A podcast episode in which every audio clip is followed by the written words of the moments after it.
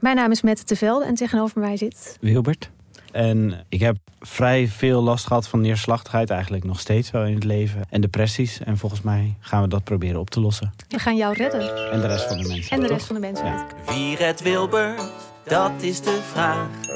Wie helpt hem bij de kwesties en problemen van vandaag? Luister naar Wie redt Wilbert en de rest van de mensheid. Een podcast van de VPRO voor NPO Luister. Kijk, de Jordaan. Daar ben ik geboren en getogen. De nieuwe Nederlandse musical Onze Jordaan van Diederik Ebbingen is dit najaar in de theaters te zien. Koop nu uw kaarten op onzejordaan.nl. Leuk toch? Hallo, dit is de wekelijkse podcast van de Groene Amsterdammer. En ik ben Kees van der Bos. Vandaag gaan we terug naar de jaren 50. Naar het begin van de jaren 50 zelfs. Naar de Korea-oorlog.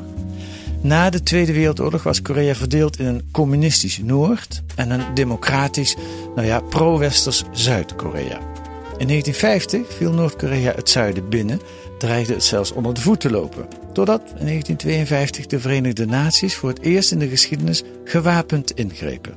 Onder druk van de Verenigde Staten. En Nederland deed mee. Luister naar een stukje van het Polygoonjournaal dat in die jaren het nieuws vertelde in de bioscopen. De wereld is opgeschrikt door de plotselinge invasie van Zuid-Korea door troepen van de Noord-Koreaanse Volksrepubliek. Deze opnamen van Zuid-Koreaanse troepen in actie werden gemaakt tijdens een van de schietpartijen welke in het grensgebied op de 38e breedtegraad reeds sinds geruime tijd aan de orde van de dag waren. De Amerikanen weten de Veiligheidsraad achter een resolutie te krijgen om een vredesmacht te sturen. Er vertrekken ruim 340.000 soldaten uit meer dan 20 landen naar Busan. Het laatste gebiedje dat nog in handen is van de Zuid-Koreanen. Ook Nederland doet mee. Meer dan 4000 vrijwilligers verlaten huis en haard om mee te vechten in Korea. Ze hebben vaak geen idee van de verschrikkingen die hen daar wachten. Spoedig komt dan het ogenblik van het definitieve afscheid. Nagewuifd door familieleden verlaten 630 mannen Nederland om in het verre Korea, in het kader van de troepen der Verenigde Naties, een taak te gaan vervullen bij het herstel van orde en veiligheid. Zo, we zijn helemaal in de jaren 50. Een fragment van de NOS was dit. En deze week vertellen Rashid Elibol en Koen van der Ven, redacteuren van De Groene, het verhaal van die missie.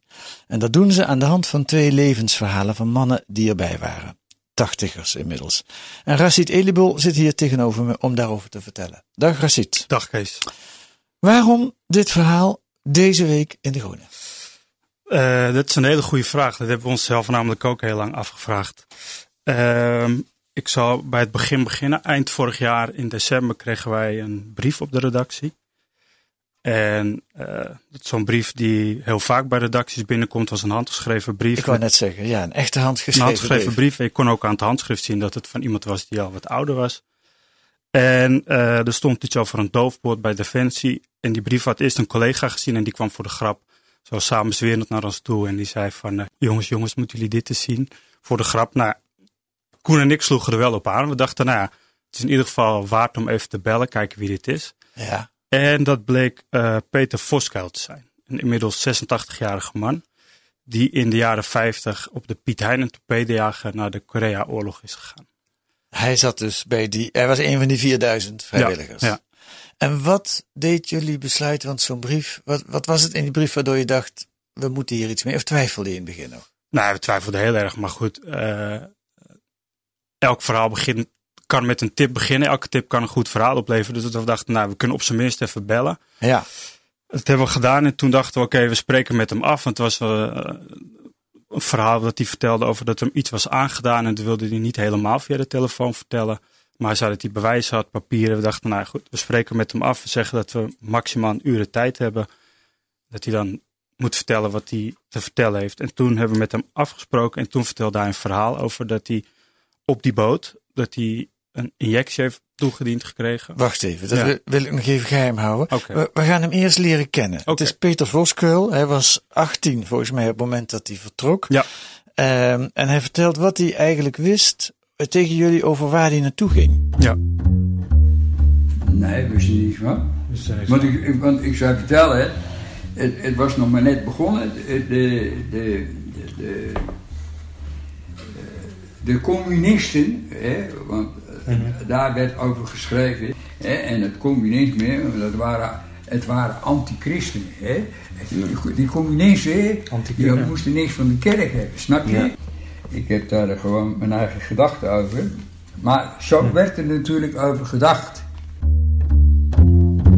virulente anticommunisme in die tijd. Hè? Maar hij, hij, had buren, geloof ik, die communisten Hij had waren. buren die communist waren en hij was zelf, eh, hij kwam uit een super katholiek gezin.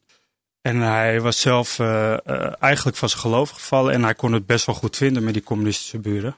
En thuis was het steeds minder leuk en dat was eigenlijk ook de reden dat hij in dienst, dat hij bij het leger ging. Omdat hij het katholieke milieu waarin hij zich begaf wilde ontvluchten. Beschrijf hem eens. Wat is het nu voor man, Peter Voskuil? Ehm ja, het is, een, het is een, nu een, een, een- wat ik zeg, een man op leeftijd. Een man die veel heeft meegemaakt. En dat merk je ook heel erg aan hem. Het is een, een beetje, eh, best wel een moeilijke man, als ik heel eerlijk ben. Het is iemand die volgens mij veel conflict heeft. We hebben zelf ook in de tijd dat we contact hadden met hem, eh, nou, een paar keer best wel gebotst met hem. Hm. Ehm, ja, hij heeft, hij heeft een soort trauma opgelopen tijdens die reis naar Korea. En daar is hij volgens mij nooit helemaal meer te boven gekomen. Nee. De trauma. En nu is het, hoe leeft hij? Alleen ergens in Nou, hij heeft, een, hij heeft een, een vriendin. Daar woont hij mee samen. Omdat hij naar eigen zeg alleen zijn maar niks vindt. Ja, ja. Gelukkig is hij niet. Hij is getekend. Hij is zeker getekend. Ja. En jullie hebben nog een eh medepassagier, nog een militair opgespoord, namelijk Nico Voorham. Eh, die ook geen idee had waar hij naartoe ging, vertelt hij zelf. Nou, ik ben gewoon weggegaan. Korea, wat was dat? Niemand wist wat het was. Ja. Weet je waar het lag? Ja, het lag in ergens, maar wat het was, dat wist je niet. Dat is ook het verhaal van de oorlog. Hè? Jonge jongens die geen idee hebben wat ze gaan doen. Ja, zeker. Wie is Nico Voorham? Eh, Nico Voorham is een leeftijdsgenoot van eh Voskuil. Het is een man uit Vlaardingen en die, heeft ook, eh, die is ook op de Piet Hein meegegaan naar Korea. En, gezegd. ja, en hoe, hoe, hoe ben je aan hem gekomen? Ehm, we hebben de eh, Vereniging voor Oud-Korea-strijders benaderd. Met de vraag of er nog mensen in leven zijn die op de Piet Hein naar Korea zijn gegaan. En toen kregen we zijn contact gegeven. Zijn zij de enige twee, denk je? Ehm, zover wij weten en zij weten wel. Mhm. Maar goed, eh, dat weten we niet helemaal zeker. Nee. Beschrijf Nico Voorham eens. Wat is dat voor een man? Eh, Nico Voorham is een hele leuke vent, als ik dat zo mag zeggen. Het is ook 86 en eh, als je hem een middag meemaakt, dan denk je volgens mij van als ik eh, zo 86 kan worden, dan zou ik daar nu meteen voor tekenen. Iemand die heel blijmoedig in het leven staat, veel grapjes maakt, ook nog steeds met al 50, 60 jaar met dezelfde vrouw is, ook een hele leuke vrouw. Eh, we kwamen daar binnen en ze vroegen om begin van de middag en ze vroegen meteen blijven jullie vanavond eten, zeg maar. Dat soort, eh, Ja. dat soort mensen zijn. Een levensgenieter. Ja, zo zou ik hem wel omschrijven. En niet getekend door deze oorlogservaring. Ehm, nee, nee, niet. eh, eh, nou ja, je, je zou wel kunnen zeggen, het is wel iets waar hij trots op is. Iets waar, wat hij ook nog wel uitdraagt. Wat nog wel een rol speelt in zijn leven, maar wel op een positieve manier. Hij Ja. kijkt er met, met, met veel genoeg op terug. Hij heeft de tijd van zijn leven gehad ook voor een deel. Ja, hij beschrijft het ook echt als een jongensboek. Ja. Ehm, laten we naar die andere gaan. Peter Voskuil, Ja. de man van de brief. Ja. Ehm, het begint ermee, dat vertelt hij zelf ook, dat hij eigenlijk helemaal niet uitgerust was voor de taak die hij kreeg. Hij werd stoker volgens mij op dat schip, Ja. de Piet Hein. Klopt. Nou, hij zegt daar zelf dit over. Wie in zijn, in zijn normale hoofd gaat er aan denken om een stoker die, die bijna een heel jaar op een kolenbootje heeft gezeten, kolentrammen en, en, en, en, en een triple expansiemachine bedienen, naar een schip dat een oorlogsgebied gaat opereren, geen ervaring van een turbineschip. Oh ja, ook nog eens niet. Ja. Ja, ik was totaal onervaren. Je gaat toch niet iemand in een oorlogsschip zeggen: we gaan jou eens even leren, want er zijn andere dingen. Heeft hij een punt, eh Racit? Hij zegt dat, ik, eh, dat hij gewoon op de verkeerde taken werd gezet eigenlijk. Ehm, Dat, dat durf ik niet te zeggen. Nee. Of, of hij gelijk heeft. Nee. Ehm, maar als ik hem moet geloven, had hij, was hij te ziek om mee te gaan. Verkeerde, verkeerde eh, functie, verkeerde, eigenlijk alles. Ja. En vanaf het begin gaat het mis met hem. Hij heeft ook geen vaste slaapplaats. Ja. Hij lijkt een beetje, ik hoorde die, die Nico Vorum dat in een ander fragment, eh, wat ik ook nog afgeluisterd heb, zeggen van ja, je hebt altijd een paar pispaaltjes in de groep. Ja. Hij noemt niet Voskuil, maar ik kan me zo voorstellen dat Voskuil wel zo'n pispaaltje is geweest. Dat heb je bij mannenclubs wel vaker. Zeker. hè? In elk geval, Zeker in die leeftijdscategorie. ja. Hij, hij moet elke avond zijn eigen matje uitrollen om een slaapplaats te vinden. Ja, hij is Eh, een van de weinigen die geen eh, tandpad heeft. Een slaapkooi. Ja. Dus hij, kan pas, hij heeft alleen een, eh, een hangmat. En die kan hij pas opstellen als iedereen in bed ligt. Ja. En dat maakt hij natuurlijk geluid bij. En iedereen vindt het maar vervelend. En scheldt hem uit. En zegt, godverdomme, eh, ga nou slapen. Laat ons met rust. Ja. Eh, ja, dus hij is niet, eh, niet populair eh, op de boot. Goed, ze gaan varen. Ze gaan om Gibraltar, nou, Gibraltar. Gibraltar heen. Ehm, ze komen op een gegeven moment bij de Evenaar. En dat is ook een dingetje. Dan komt Neptunus aan boord. Vertel, wat is Ja. dat? Eh, normaal gesproken, als een, eh, als een eh, militair schip over de Evenaar gaat, dan komt Neptunus aan, boord, aan boord. Ja. En dat is een ritueel. dan wordt ze ingezeept, geschoren en dan moet ze een slok zeewater drinken. Alleen deze boot gaat niet over de Evenaar. Maar omdat ze naar de oorlog gaan en houdt zich toch aan dat ritueel. Ze doen alsof. Ja, precies. Ze doen alsof. Dus er komt iemand verkleed, verkleed als Neptunus aan boord en die nou, doen een ritueel met eh, eh, een slokje drinken. Nou ja, je zegt het vrij soepel. In het Ja. stuk staat het nogal lelijk beschreven. In de zin van, Voskuil was al ziek. Ja. Het is een, een akelig eh, ritueel. Ja. Dat eindigt met het drinken van zeewater. Ja. In het geval van Voskuil lekker kotsen dan daarna. Ja, die gaat over zijn nek. Ja. Ehm, als we hetzelfde ritueel aan meneer Vooram vragen, dan zegt hij, ah, slokje, slokje zeewater, ach. Ja. Eh, maar Voskuil, die vindt het verschrikkelijk. Die, die, eh, die wil het niet, die voelt zich gewoon niet goed. Die drinkt zeewater en die gaat over zijn nek. En die wordt nog zieker dan dat hij op dat moment al is. Ja. Dan komen we bij het incident. Ze Mhm. gaan naar Singapore. Singapore, ja. Eh daar mogen ze aan wal. Daar mogen ze niet aan wal. Oké. Nee, eigenlijk niet. Alleen Voskuil, om, om, zijn, om zijn maten tevreden te stellen, belooft ze een vat rum. Want die is eh, eh, een dag nadat ze Singapore aandoen, is hij jarig. En die zegt, als ik jarig ben, krijgen jullie allemaal een glaasje rum van me. Aha. Eh, maar dat zegt hij een paar weken eerder. Dus als ze bij Singapore zijn, komen er een paar mariniers naar hem toe. En die zeggen van, hé, hey, een paar weken geleden heb jij ons iets beloofd. Dus jij gaat nu van boord om een vat rum te halen. En hij baalt, want hij heeft ten eerste helemaal geen, bijna geen geld op zak. In ieder geval niet genoeg om een vat rum te halen. Ja. Eh, maar goed, hij gaat toch van boord. Want hij heeft een horloge gekocht vlak voordat ze vertrokken in Leiden. En dat horloge, als hij op een gegeven moment een, ergens een vat rum vindt, heeft hij, eh, dat ruilt hij voor het horloge. Ja. En dan komt hij terug aan boord. En vlak voordat hij aan boord komt, wordt hij vastgepakt door een paar mariniers. En die slepen hem het schoftehok in. Het schoftehok, wat is dat? Ja. Nou, de, Pietijn is een jaar van huis. Dus er zijn veel mannen die, eh, als ze aan land gaan, contact hebben met vrouwen. En als ze dat doen, dan krijgen ze iets ingespoten om SOA's van boord te halen. Mm. En dat doen ze ook bij, dat willen ze ook doen bij, bij Voskuil. Die, over, overigens beweert ja. dat hij geen vrouw heeft bezocht in de tijd dat hij een vat rum heeft gehad. Ja, maar hij is aan wal geweest. Ze Ja. geloven hem niet. Dus Ja. hij moet ontsmet worden. Hij vertelt daar zelf dit over. Ben die ontsmettingsruimte ingetrokken, hartstikke donker. Ik had de deur dicht. En eh, er lag een spuit en ik weet helemaal niet wat daarin zat. En hoe, hoe, hoe zag die spuit eruit? Dat Even voor ons idee. Nou, zoiets hè. Een, een zwart ding met... ugh. Maar die spuit lag klaar en er was geen passagier. Dus er lag er alleen voor mij. Maar ik vocht, hè. Ik trapte dat, dat ding van me af en viel op de grond. Ik weet het zelf niet, maar er is door de mariniers, over Reunies ook gezegd, en daar heb ik me dood voor geschaamd. Hij schreeuwde als een varken. En toen kwam weer die strijd. God straft onmiddellijk. Hij schreeuwde als een varken. Daar is hij, naar eigen zeggen, eigenlijk gewoon zwaar mishandeld.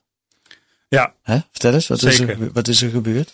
Ehm, nou, dat, wat ik zei, dus iedereen die van boord is geweest en van wie vermoed werd dat hij contact had gehad met vrouwen, die kreeg een injectie ingespoten. Alleen bij hem is dat onverdund toegediend. Waardoor alles in zijn penis van binnen gewoon helemaal weggebrand is. Op het moment dat hij die spuit eh, kreeg. Ehm, ja, dat is natuurlijk echt verschrikkelijk. Ja.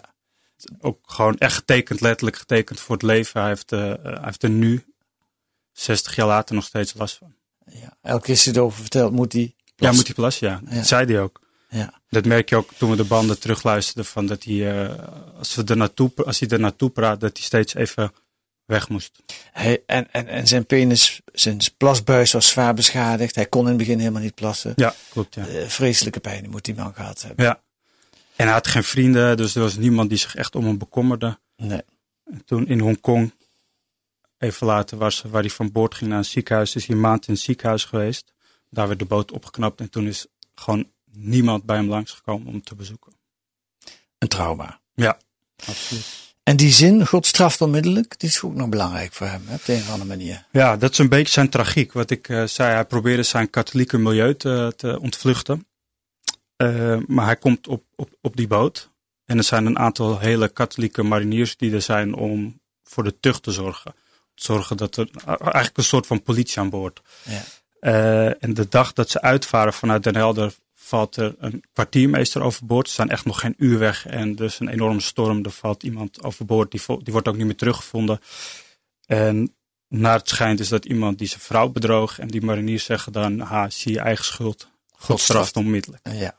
En dat hebben ze eh, bij hem ook gezegd. En dat raakt hem ook op de een of andere manier. Ja, ja. dat is natuurlijk zijn tragiek. Ja. Dat hij, dat hij Ja. weer Ja. door die katholieke mariniers te grazen wordt genomen. En dit was ook de reden waarom hij die brief heeft geschreven aan jullie. Hij wilde dit. Ja. Hij vindt dat hem groot onrecht is aangedaan. Nou, Ja. dat klinkt plausibel als je dit zo hoort. Hij heeft er ook een soort genoegdoening voor gekregen. zeker. Hoe is dat gegaan? Ehm, hij heeft in 2013. Uit, maar ja, 2013 is hij, is hij het verder weer is het opnieuw uit gaan zoeken. Omdat er toen in de archieven eh, stukken werden vrijgegeven die tot dan geheim waren. En nou, hij heeft aan kunnen tonen dat hem inderdaad iets verschrikkelijks is aangedaan. Ehm, en daarvoor heeft hij van Defensie heeft hij, eh, excuses gehad. En hij heeft een, eh, een ereschuld, een, een uitkering en een schadevergoeding gekregen. Maar dat vindt hij niet genoeg. Nee. Hij heeft het gevoel dat ze het bewust hebben gedaan. Dat ontkent Defensie uiteraard. Die zeggen van nou, de, de informatie die wij hebben, daaruit blijkt niet dat het expres is gedaan. Nee.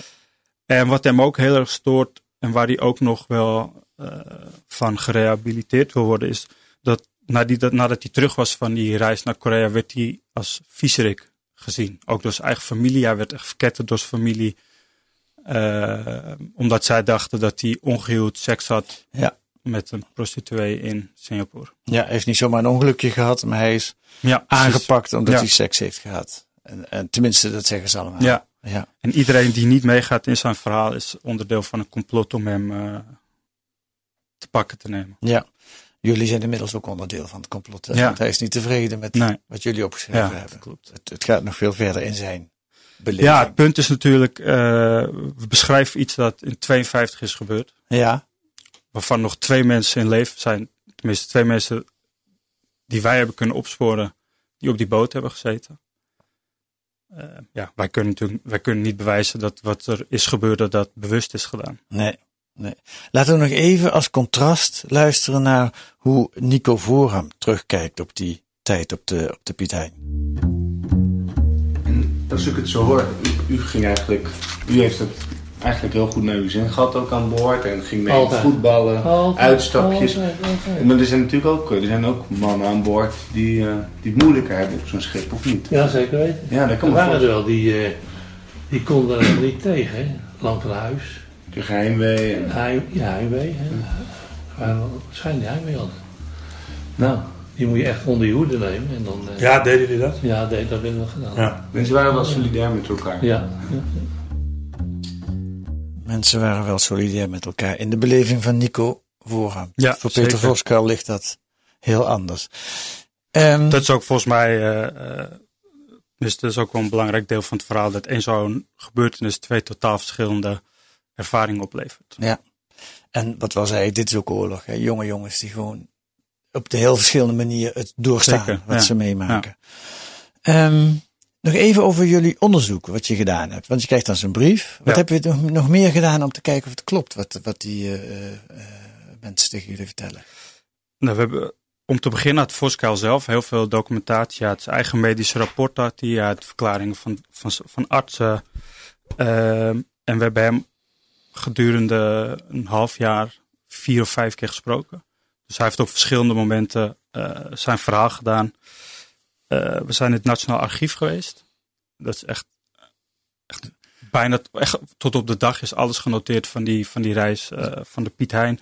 Dus wat er gegeten werd, hoeveel eh, in Malta, ik zeg maar iets geks, hoeveel uien er aan boord kwamen. Dat is een feest voor journalisten. Ja, hè? het was, echt, het was ook wel heel leuk om te zien, want het is echt een reis door de geschiedenis. Je ziet dat ze bijvoorbeeld het Suezkanaal doorgaan, waar net een enorm conflict is. Ze komen eh, langs Turkije, de- net toegetreden door de NAVO, en er wordt daardoor een soort ja, een ceremonie eh, is er dan. Eh, en dat staat allemaal in, de, in die verslagen van het archief. Dus dat hebben we gedaan. Er zijn een aantal boeken geschreven over, over de Korea-missie, de Nederlandse missie. En we hebben voorhand natuurlijk ook gesproken. Ik denk dat we die mannen bij elkaar iets van 15 uur of zo gesproken hebben. Ja. En we hebben ze een keer samengebracht. Ja. Dan konden we natuurlijk ook veel dingen checken van, hé, jij zei vorige keer dat. Eh, herkent u dat? Ja. Maar het lastige blijft natuurlijk wel dat je eh, deels moet varen op de ervaring van die twee mannen. Het is, jullie hebben het mooi opgeschreven, vind ik. Het is een, een mooi, mooi leesverhaal geworden. Dankjewel. Tot slot, wat is jou nou van dit hele verhaal het meest bijgebleven? Ehm, nou, het voor mij eigenlijk ook wel zeg maar, de eerste militaire in- interventie van Nederland na de Tweede Wereldoorlog. Eh, echt een tijdsbeeld van eh, de, de wederopbouw. Een groep jonge mannen die eh, zeg maar, iets van het leven probeert te maken in een tijd dat je geen idee hebt eigenlijk. Avonturiers. Ja, avonturiers. eh, soms tegen wil en dank. Om een eigen, eigen nest eh, te ontvluchten. Ehm, maar goed, op persoonlijk niveau is, is zeg maar, de tragiek van Voskou hetgeen wat me het meest bijblijft. Zo'n man die eh, in 52 iets verschrikkelijks is overkomen. En die voordat hij overlijdt dat nog recht wil trekken. En daar heel verbitterd over is. En wat goed te begrijpen is, maar wat ook wel heel tragisch is. Ja. ja. Dankjewel, Razit Elibel. En dat staat allemaal opgeschreven in het verhaal De Jongens van Piet Hein, deze week in De Groene. En verder in De Groene Amsterdammer deze week een special vanwege het begin van het cultuurseizoen met een profiel van Ivo van Hoven, regisseur van toneelgroep Amsterdam, die internationaal is doorgebroken met stukken waarin levenspijn, liefdesangst en doodsdrift overheersen. En de voorbeschouwing, waar kijken de groene recensenten dit jaar naar uit? En volgende week hoort u deze podcast een onderzoek over hoe Twitter grotendeels in handen is gekomen van rechts en extreem rechts. Deze week werd de Groene Podcast gemaakt door Fatih Kilic en Kees van der Bos. En de muziek is A Tune for N van Paul van Keem.